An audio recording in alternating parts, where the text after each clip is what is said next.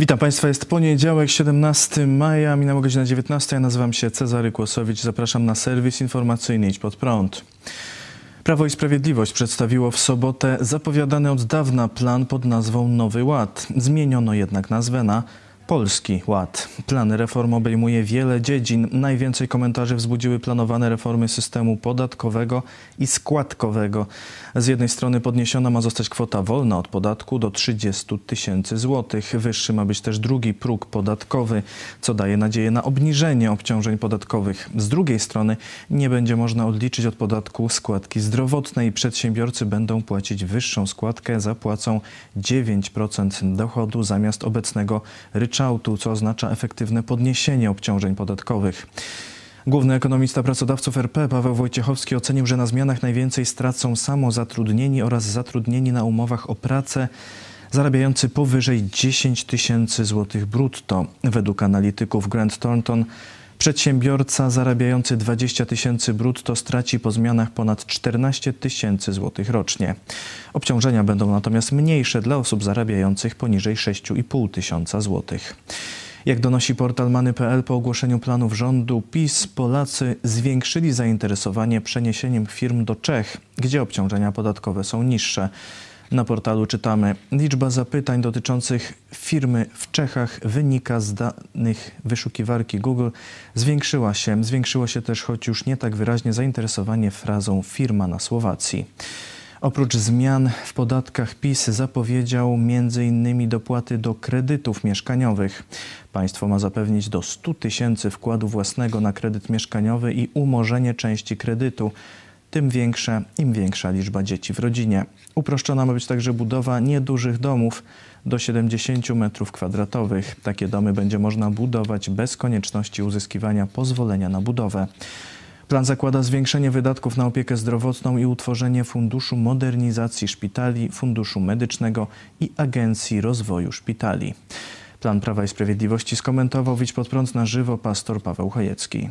To jest komedia wyborcza, a nie żaden program dla ludzi, e, którzy absolutnie nie rozumieją skąd się biorą pieniądze, e, tylko są zepsuci przez kato komunę, można tak powiedzieć, e, i mają tak zwaną wyuczona bezradność, termin psychologiczny, socjologiczny, czyli człowiek normalny, który mógłby funkcjonować, mógłby zarabiać na siebie, ze względu na pewne zewnętrzne czynniki, głównie pomoc społeczną, staje staje się, można powiedzieć, dysfunkcyjny, mm, w, jeśli chodzi o swoje życie, dysku, dysfunkcyjny w społeczeństwie. Wyuczona bezradność, że on czeka tylko na socjal, czeka na pomoc państwa, czeka, co mu rząd da, nie? No to takich ludzi że tak powiem, PiS masowo, e, masowo hoduje. On chce takich ludzi, bo oni na niego w ciemno zagłosują, ponieważ wystarczy tylko powiedzieć, a teraz do 500 plus dodamy wam 200 czy 300 złotych i już mamy wybory wygrane. Róża Tun odchodzi z Platformy Obywatelskiej. Europosłanka Róża Tun poinformowała dziś, że odchodzi z PO. Stwierdziła, że nie zgadza się na prowadzenie rozgrywek partyjnych kosztem ogólnoeuropejskich projektów.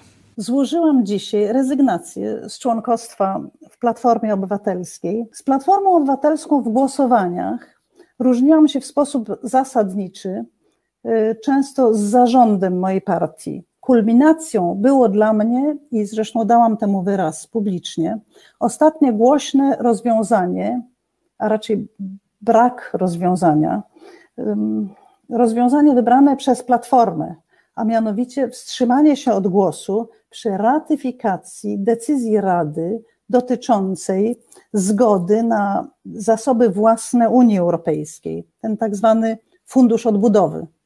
Nie zgadzam się na to, żeby zresztą słabo prowadzone rozgrywki międzypartyjne odbywały się kosztem projektów mających na celu wsparcie w kryzysie setek milionów obywateli europejskich. Mam nadzieję, że moja rezygnacja z członkostwa w Platformie Obywatelskiej będzie impulsem do refleksji wewnątrz tej partii. W piątek zarząd Platformy Obywatelskiej zdecydował o usunięciu z partii Ireneusza Rasia i Pawła Zalewskiego posłów, którzy w ostatnim czasie krytykowali kierownictwo partii, byli wśród sygnatariuszy apelu o zmiany w Platformie. Paweł Zalewski napisał na Twitterze: Nikt ze mną nie rozmawiał, nie wiedziałem o wniosku, nie miałem możliwości się bronić. Nie znam zarzutów. Jak nazwać taką procedurę, taki sąd? Czy takie są standardy PO? Czy o to nam chodziło? Ireneusz Raś w RMF powiedział: Nikt ze mną nie rozmawiał, nikt nie powiedział dlaczego, nikt mnie nie poinformował o wyrzuceniu z PO. Dziś obaj posłowie poinformowali, że odwołają się do sądu koleżeńskiego w sprawie ich wyrzucenia z partii. 364 osoby zmarły w ciągu ostatniego weekendu z powodu koronawirusa z komunistycznych Chin. W piątek zmarło 289 osób, w sobotę 55, wczoraj 11. Według danych resortu zdrowia łącznie w Polsce zmarło już 71 600 zakażonych osób. W ciągu ostatniej doby odnotowano 1100 nowych zakażeń. 11 600 zakażonych osób jest obecnie hospitalizowanych. Do ich leczenia wykorzystuje się 1,5 tysiąca respiratorów. Już 11,5 miliona osób zaszczepiło się przeciw wirusowi, w tym 4 miliony 300 tysięcy osób otrzymało już obie dawki lub szczepionkę jednodawkową.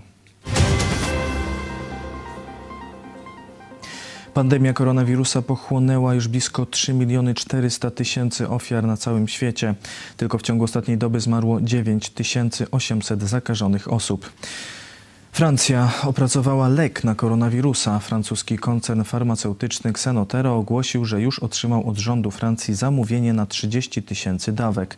Preparat ma trafić na rynek pod koniec lata, a do czerwca 2022 roku planowana jest produkcja 200 tysięcy dawek. Jak poinformowała dyrektor firmy, po otrzymaniu leku pacjent jest chroniony przez 10 dni. Lek rozprzestrzenia się do płuc i całkowicie chroni przed zapaleniem. W Wielkiej Brytanii dzisiaj rozpoczęło się największe poluzowanie obostrzeń. Zmieniły się zasady dystansu społecznego wśród osób sobie bliskich. Otwarto placówki kulturalne, działalność wznowiły hotele. Jeszcze w piątek brytyjski premier Boris Johnson informował, że w związku z coraz większą liczbą zakażeń indyjską mutacją koronawirusa Luzowanie obostrzeń zaplanowane na czerwiec stoi pod znakiem zapytania. Wielka Brytania odnotowała już cztery zgony osób zakażonych wariantem indyjskim. Holenderscy naukowcy stwierdzili, że badania nad rosyjską szczepionką Sputnik V są pełne oczywistych błędów i niespójności. W liście opublikowanym w czasopiśmie naukowym Lancet badacze napisali: Dane statystyczne zawierają przypadkowe wzorce, tematy się pojawiają i znikają. Dziwne, że szczepionka wydaje się być równie skuteczna dla wszystkich grup wiekowych, podczas gdy margines niepewności jest przecież bardzo szeroki. Sytuacja epidemiczna drastycznie pogarsza się na Tajwanie. Od prawie tygodnia codziennie padają coraz większe rekordy zakażeń wirusem. W piątek było to 34, w sobotę 185, w niedzielę 207, dziś już 335 nowych zakażeń. Rząd zaostrzył restrykcje.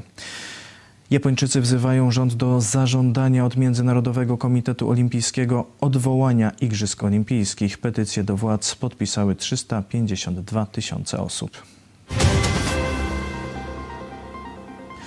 Franklin Graham zachęca do zaszczepienia się przeciw koronawirusowi. Jeden z najbardziej znanych amerykańskich działaczy chrześcijańskich, pastor Franklin Graham, w programie Axios w telewizji HBO powiedział, że chociaż skupia się na ratowaniu dusz ludzkich, to chce też, by ludzie wiedzieli, że szczepionka może uratować życie. Chcę, żeby ludzie wiedzieli, że COVID-19 może ich zabić, ale mamy szczepionkę, która może uratować wam życie. Jeśli będziecie czekać, może już być za późno, powiedział Graham. Już w marcu syn sławnego ewangelisty Billiego Grahama pisał na Facebooku. W oparciu o przypowieść o dobrym Samarytaninie w Biblii, tak myślę, że Jezus Chrystus zachęcałby ludzi do używania szczepionek i leków do leczenia cierpienia i ratowania życia. Wiemy również, że Jezus chodził od miasta do miasta, uzdrawiając każdą chorobę. Robert Jeffress, pastor megakościoła południowych baptystów, także wezwał do rozsądnego podejścia do szczepień. Prosić Boga o pomoc, a potem odmawiać szczepionki nie ma więcej sensu niż dzwonienie na numer alarmowy, gdy pali się dom, a potem niewpuszczenie strażaków do środka, stwierdził Jeffress. Albert Moller, rektor Seminarium Teologicznego Południowych Baptystów o szczepionce przeciw koronawirusowi pisał Wezmę ją nie tylko dlatego, że mam nadzieję, że ochroni ona moje zdrowie, ale także dla dobra innych. O tym, dlaczego część środowisk konserwatywnych chrześcijan jest przeciwna szczepieniom, mówił w programie Iść pod prąd dogrywka pastor Paweł Chojecki. Ogólnie środowiska protestanckie, a środowiska amerykańskie szczególnie, są bardzo prowolnościowe i nie chcą, żeby socjalistyczny w Ameryce federalny rząd im ograniczał wolność. I tutaj myślę, że używając sprytnie tej postawy e, chrześcijan, czy ogólnie konserwatystów, e, komuniści rozpętali, można powiedzieć, narrację antyszczepionkową. Właśnie mówiąc, że to jest socjalistyczny spisek, te szczepionki, że to jest jakaś, jakiś zamach na wolność i różne takie rzeczy. Także tutaj, można powiedzieć, pewna dobra tendencja wśród protestantów spotkała się z bardzo makiaweliczną grą strony e, pekińskiej, czy ogólnokomunistycznej, bo na pewno Rosjanie, Ruscy, Szechi też dobrze mieszają e, w tym e, kotle, e, szczególnie właśnie przeciwko szczepieniu na COVID, żeby pogrążać dalej społeczeństwa Zachodu w chaosie. Tu społeczeństwo Izraela jest przykładem takiego, można powiedzieć, sukcesu i wyjścia. No teraz mają inny problem, ale z chińskiego ataku wyszli właśnie dzięki szczepionce, a do tego, żeby napuszczać różne grupy na siebie, dzielić rodziny, dzielić kościoły, dzielić przyjaciół właśnie w oparciu o tę antyszczepionkową propagandę przeciwko e, tutaj temu remedium na chińskiego wirusa i powrotem, szybkim powrotem do normalności. To wszystko w tym wydaniu serwisu informacyjnego. Dziękuję Państwu za uwagę. Jeszcze dziś o 20.30 lektura Ewangelii Mateusza, a teraz wiadomości sportowe przedstawi Maciej Stadnicki. Iga Świątek w kapitalnym stylu wygrała turniej TWA 1000 w Rzymie. Polka w finale pokonała Karolinę Pliskową 6-0, 6-0. Dla Świątek był to czwarty finał turnieju TWA. Dotychczas wygrała trzy z nich.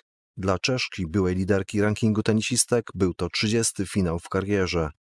Klasę sportową najlepszej polskiej tenisistki doceniły nawet czeskie media. Na stronie internetowej portalu idnes.cz mogliśmy przeczytać jakby profesjonalistka i amatorka stały naprzeciwko siebie. Karolina Pliskowa wystąpiła w tej drugiej roli. Nie miała możliwości wygrania ze zdecydowanie lepszą przeciwniczką. Po raz pierwszy z rzędu zagrała w finale turnieju, ale tym razem mecz zakończył się w 46 minut, a Czeszka nie zdobyła ani jednego gema. Okrutnej lekcji udzieliła jej zwyciężczyni Rolanda Garosa, Iga Świątek z Polski. W dniu poprzedzającym finał Świątek musiała rozegrać dwa mecze jednego dnia. Najpierw w ćwierćfinale pokonała Elinę Svitolinę, a następnie w półfinale 17-letnią Cory Gaff. Obydwa pojedynki Polka wygrała w dwóch setach, jednak oba spotkania były bardzo wyczerpujące. Zwycięstwo w turnieju w Rzymie dało polskiej tenisistce awans na dziewiątą pozycję w rankingu TWA. To był bardzo udany powrót polskich kajakarzy do Pucharu Świata. W węgierskim Segedenie biało-czerwoni wywalczyli łącznie trzy medale. Na drugim stopniu podium stanęły Marta Walczykiewicz w kategorii K1 na 200 metrów oraz dwójka Justyna Iskrzycka i Helena Wiśniewska w konkurencji K2 na dystansie 500 metrów. Brązowy medal zdobyła w wyścigu na 500 metrów Anna Puławska. Wyniki cieszą tym bardziej, że wszystkie dystanse są konkurencjami olimpijskimi. Blisko podium była Dorota Borowska, która w konkurencji C1 na 200 metrów zajęła czwartą pozycję. Polka już wcześniej wywalczyła awans na najbliższe Igrzyska Olimpijskie. Także czwartą lokatę zajęła w rywalizacji C1 Katarzyna Szperkiewicz, czwórka kobiet na dystansie 500 metrów i dwójka Kanadyjkarzy na 1000 metrów. Na uwagę zasługuje również postawa Mateusza Kamińskiego, który w konkurencji C1 na dystansie 1000 metrów był wprawdzie ósmy, ale wywalczył prawo startu w Tokio. W ostatni weekend dobiegły końca rozgrywki PKO BP Ekstraklasy. W ostatniej kolejce toczyła się rywalizacja o czwarte miejsce w tabeli, które gwarantuje udział w przyszłym sezonie w europejskich pucharach. Ostatecznie miejsce tuż za podium zajęli piłkarze Śląska Wrocław. Najsłabszą drużyną ekstraklasy okazała się drużyna Podbeskidzia Bielsko-Biała, która w przyszłym sezonie zagra zatem w pierwszej lidze. Już na trzy kolejki przed końcem rozgrywek mistrzem kraju została Legia Warszawa, dla której był to już piętnasty tytuł mistrzowski. Tym samym klub ze stolicy Polski stał się najbardziej utytułowanym klubem piłkarskim w kraju. Drugie miejsce w rozgrywkach PKO BP Ekstraklasy zajęli piłkarze Rakowa Częstochowa, którzy w tym sezonie po raz pierwszy w historii klubu wywalczyli Puchar Polski. Podium uzupełnili gracze Pogoni Szczecin. Koronę króla strzelców zdobył napastnik Legii Warszawa Tomasz Peckhardt, który w sezonie zdobył 22 bramki. Drugi w tej klasyfikacji Jakub Świerczok, reprezentujący barwy Piasta Gliwice, zakończył rozgrywki z 14 trafieniami. Leicester City niespodziewanym triumfatorem piłkarskiego Pucharu Anglii. W finale rozgrywanym na słynnym Wembley popularne Lisy pokonały Chelsea Londyn 1 do 0 i po raz pierwszy w historii klubu triumfowały w rozgrywkach. W całym spotkaniu przeważali Londyńczycy, jednak to zawodnicy Leicester wyszli z potyczki zwycięsko. Jedyną bramkę po kapitalnym strzale z pola karnego zdobył Yuri Tielemans. Finałowe spotkanie na stadionie Wembley obserwowało 21 tysięcy kibiców. Rozgrywki o Puchar Anglii są najstarszymi rozgrywkami klubowymi na świecie. Pierwsza edycja odbyła się w sezonie 1871-72.